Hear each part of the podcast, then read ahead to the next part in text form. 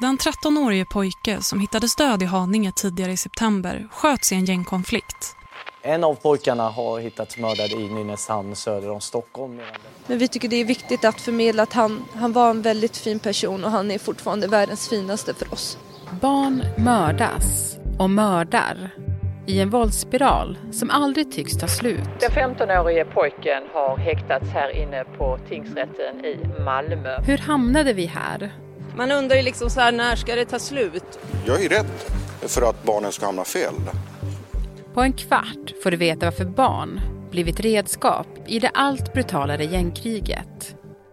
Det är måndag den 25 september. Det här är dagens story från Svenska Dagbladet med mig, Alexandra Karlsson.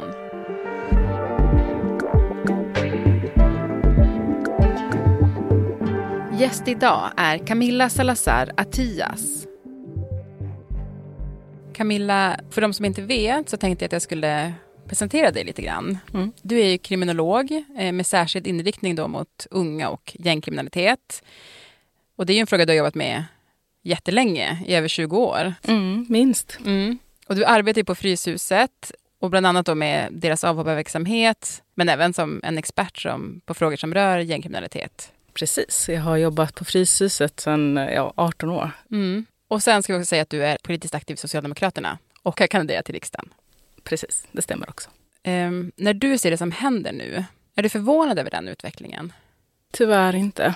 Vi på Fryshuset har ju jobbat länge med den här frågan och eh, försökt varna för den utveckling som vi har sett. Hur våldet har tagit sig ner i åldrarna, hur det har blivit grövre, hur, eh, ja, hur snabbt det går. Mm. Idag så kommer vi fokusera på liksom hur gängkriminella allt oftare använder sig av barn för att begå grova brott. Mm. Varför gör de det? Barn är ju en lättare måltavla. För att de är eh, väldigt sårbara helt enkelt och har inte utvecklat konsekvenstänk. Så rent biologiskt har de inte den förmågan. Eh, och eh, de är inte ett hot mot gänget för de har inte ett våldskapital själva. Mm. Och därför blir de ju också väldigt manipulerade och använda. Och de får utföra väldigt, väldigt grova brott. Och det är nytt. För att tidigare så har man tänkt att man behöver ha någon som har lite mer koll. Mm. Ja, men när Encrochat knäcktes, den här krypterade chatttjänsten eh, som används av många kriminella, då fick man ju direkt inblick i mm. Personer pratar med varandra inom kriminella nätverk. Mm. Och där tyckte jag att det blev otroligt tydligt att man såg just unga personer som något som man kan använda för sina mm. egna mm. syften. För att begå jätte, jättegrova brott. Ja men precis. Det kunde man ju också höra på Encrochats olika så här att hitta en unge som kan göra det bara. Och det vi kan se nu är ju att, vi, att det nästan är ett systematiskt användande av barnen. Mm. Och det är ju också för att vi har sett en förskjutning. Tidigare så pratade vi om att man använde sig av unga som var 18 till 21 för de hade en lägre straffskala. Och sen ändrar man ju på det och tog bort den möjligheten och nu straffas alla som vuxna som begår den typen av brott. Då började vi ganska snabbt se att man använde sig av, av yngre än 18. Underrättelsecheferna säger att deras bild är att rekryteringen av barn har ökat de senaste åren. Många har uppfattningen att barnen som rekryteras också blir yngre. 15 börjar man få större uppdrag, men rekryteringen börjar rätt tidigare. De kanske redan vid 10-11 år och bygga relation till de här barnen. Istället för att prata om att unga rekryteras in i gängen borde man enligt Camilla Salazar Atias kalla det grooming. Det är liknande processer och jag tror att det är viktigt att använda sig av en mer korrekt beskrivning. Rekrytering blir väldigt här, man nästan ser så här arbetsintervju och sådär. Och det, det sker fast i andra mer organiserade gäng och i andra åldrar. Men i det här fallet så handlar det om att man, ja, man får vara en del av, man får lite mat, man kanske bjuds på just den där äh, extra goda äh, kebaben, pizzan eller man får en rolig pryl och äh, känner sig sedd och bekräftad helt enkelt. Precis som i sexualbrottsmål manipuleras barnet stegvis in i en beroendeställning som utnyttjas av förövaren.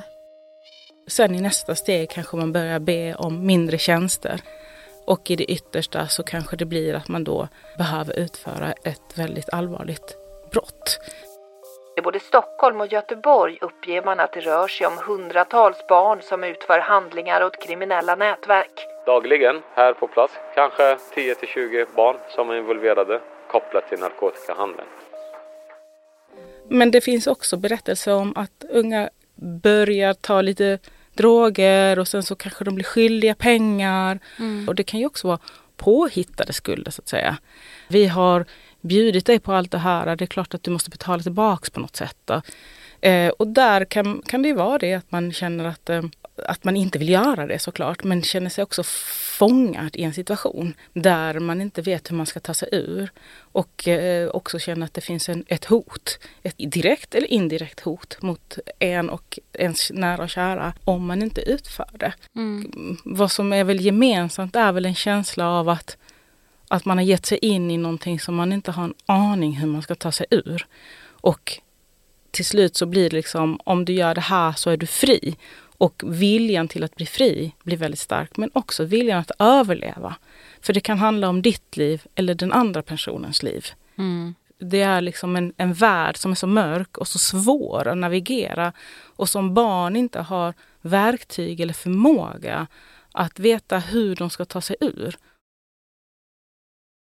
Jag tänkte på en sak när du beskriver den här grooming-situationen och jag vet inte vad du tycker om att jag gör den här jämförelsen. Men jag tänkte på senaste säsongen av Snabba Cash så finns det en väldigt så tydlig scen när det är några barn som står och spelar basket på en skolgård. Och så kommer de, de coola grabbarna.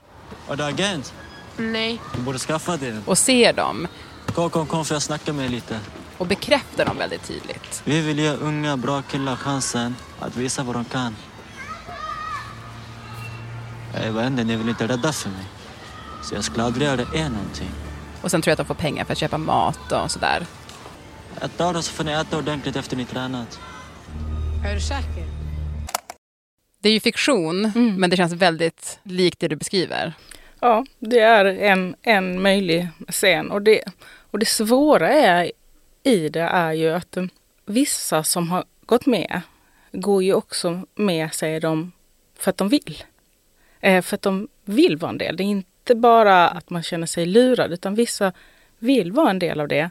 Och det är också en miljö som alla inte är välkomna i. Det är en exklusiv klubb. Den här dragningskraften då till den här liksom exklusiva klubben. Hänger den ihop med att det, liksom är, att det anses coolt att vara gangster? Och liksom mm. det finns en cool så gangsterkultur. Och att det känns som att liksom den också är attraktiv. Man kan ju säga att eh, mycket av det som ehm, som ingår i den här kulturen är ju att visa upp saker som vår kultur tycker är värdefullt. Eh, så det är olika statussymboler och statusprylar och där vi som samhälle faktiskt ändå premierar att ha de här sakerna. Men också att det är någonting som vi ser precis överallt. Vi ser det i medierna varje dag. Det är mångas dröm att bli omtalad och skriven om och upplyft i tidningar och tv. Det är liksom att lyckas. Och det händer ju dagligen. Eh, vi ser det i att många fascineras och eh, tycker det är väldigt, väldigt spännande just med gäng och gängmiljö. Så vi ser på serier och vi läser böcker och vi på alla sätt och vis tar in det här för att det blir så mystiskt kring det. Och det är vi alla en del av att skapa den marknadsföringen helt enkelt för gängen. Mm. Om man inte vill vara med och skapa den marknadsföringen då? Vad ska man göra då? I den mån det går att inte lyfta eh, olika varumärkesnamn utan prata mer generellt. Eh, när man nämner gängens olika namn eller ledares olika namn så stärker det deras varumärke. Och eh, mycket av deras varumärke handlar också om ett våldskapital. Och så till den grad så kan det också bli att, vi, att de har ett våldskapital som blir större ju fler gånger de syns i media till exempel. Mm. Du var lite inne på att, att det är många unga som faktiskt vill vara med i de här kriminella gängen. Mm. Och det är ju någonting som man har hört poliser också liksom vittnat om. Mm. Och jag tänkte vi kunde lyssna på vad en polis i Angered i Göteborg säger om det. Unga, de, det är ingen som går och rekryterar du ska vara med i ett gäng, utan står lite på kö faktiskt. Man tycker det är lite häftigt att hänga med de tuffa killarna på torget. Mm. Ja men precis, och polisen är ju frustrerad och det kan vi också säga. Om man säger så här, hur är det möjligt att vi som samhälle inte kan ha ett bättre erbjudande så att det erbjudandet som gänget har som också är kopplat till våld och död och, och fängelse att det ändå ter sig som ett bättre alternativ än vad vi kan ge. Och lite samma kunde vi se faktiskt när, när yngre i alla fall reste till IS. Alltså, hur är det möjligt att man väljer det ödet istället? Och det är det som blir vår eh, stora uppgift att se hur skapar vi känslan av att det finns andra vägar, andra dörrar, andra val. Och det tycker jag är så viktigt att se för vi träffas sedan länge barn, alltså ungdomar i just 13, 12, alltså eh, högstadieåldern, där vi ser att liksom livsknistan i ögonen har slocknat. De har gett upp och de har ganska mycket kalkylerat att de ska leva tills de blir 20, högst. Eh, och då ska de leva liksom utifrån vad det nu kan erbjudas i det här miljön. Men också är de ganska säkra på att för att de har begått ett mindre brott så är det kört för dem. Det finns ingen väg tillbaka. Och då är de väldigt, väldigt unga när de tror det, på riktigt tror det. Och blir liksom så här, när vi kan prata med dem och säga, men det är klart att du kan välja en annan väg, att det inte är kört, det finns möjligheter. Men utifrån deras perspektiv så upplever de att alla dörrar är stängda och nu har de tagit ett steg i fel riktning och nu är det bara den riktningen som de kan gå. Mm. Say hello to a new era of mental health care. Cerebral is here to help you achieve your mental wellness goals with professional therapy and medication management support. 100% online. You'll experience the all new Cerebral Way, an innovative approach to mental wellness designed around you. You'll get a personalized treatment plan from a therapist, prescriber, or both in a safe and judgment free space. Your Cerebral therapist or prescriber will outline a customized plan with clear milestones along the way so you can get to feeling your best. With Cerebral, you're not alone in your mental health journey. We're here to empower you to live a fulfilling life. So take that first step towards a brighter future and sign up today at cerebral.com slash podcast and use code ACasts to get 15% off your first month. Offer only valid on monthly plans. Other exclusions may apply. Offer ends July 31st, 2024. See site for details. En sak som också slår en när det gäller så här unga personer, då, alltså personer mm. under 15, det är att det måste gå väldigt fort för dem att det går så snett. Mm. Du kan inte hunnit göra så mycket om du är 13 år. Eller ja. liksom, det måste ha gått väldigt, väldigt fort. Men jag tror att man måste koppla det till hela förskjutningen av våldet. Alltså vi har ju sett ett tag nu att man använder sig av skjutvapenvåld mer, alltså dödligt skjutvapenvåld i de här miljöerna. Det där har vi varnat sedan 2015 när vi var så här, hjälp, våra unga börjar ha skyddsväst, eh, de har vapen. Man mm. skjuter i konflikter. Och därför började vi jobba med att vi jobbar med en metod för att medling och förstå konflikter, konflikthantering. För att vi kunde se att det är en konflikt eller det är en kränkning och den går direkt till en skjutning. Det finns liksom inget däremellan. Så den för, förskjutningen har vi sett sedan 2015. Så det är därför jag menar att det blir inte en överraskning när den går ner i åldrarna och när det sker så fort. För det var då vi började säga så här, här har vi en person som inte ens har begått brott förrän den är en mördare. Innan hade ju barnen fortfarande en roll. De sprang med, med droger eller levererade eller gjorde mindre typer av brott. Men nu så, så använder man ju dem som kanonmat. Mm. Det är väldigt cyniskt. Ja, väldigt cyniskt. Men den här utvecklingen vi ser nu där, liksom, där man också går på anhöriga, där det inte bara är ens eget liv som är i fara, där, tror du att det kommer få fler att vilja hoppa av? Ja, det, det tror jag och hoppas på. Mm. Och för att eh, kanske försöka sluta i lite hopp, för det är ju väldigt, väldigt mörkt. Jag tänker, du jobbar ju väldigt nära den här verkligheten. Ser du några strimmor av hopp någonstans där ute? Ja, jag tycker att det ser både mörkt ut, men jag måste ju ändå ha hopp. Och hoppet handlar också om att vi alla måste bli medvetna om vår roll. Jag tror vi alla har sett ett barn som inte mår så bra eller som, som verkar behöva mer hjälp och stöd. Och om vi tar det ansvaret, om vi tar, eh, frågar, på riktigt frågar hur det barnet mår och står kvar och tar emot det svaret så kan vi ha ändrat ett barns liv.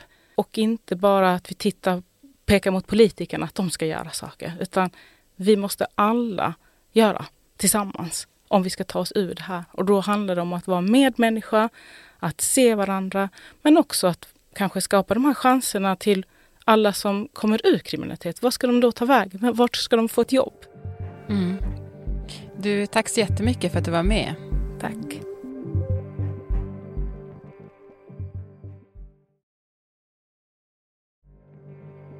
Och idag var Moa Larsson producent, Stina Fischer var redaktör och klippen i programmet kom från SVT, Sveriges Radio, Aftonbladet och Netflix-serien Snabba Cash.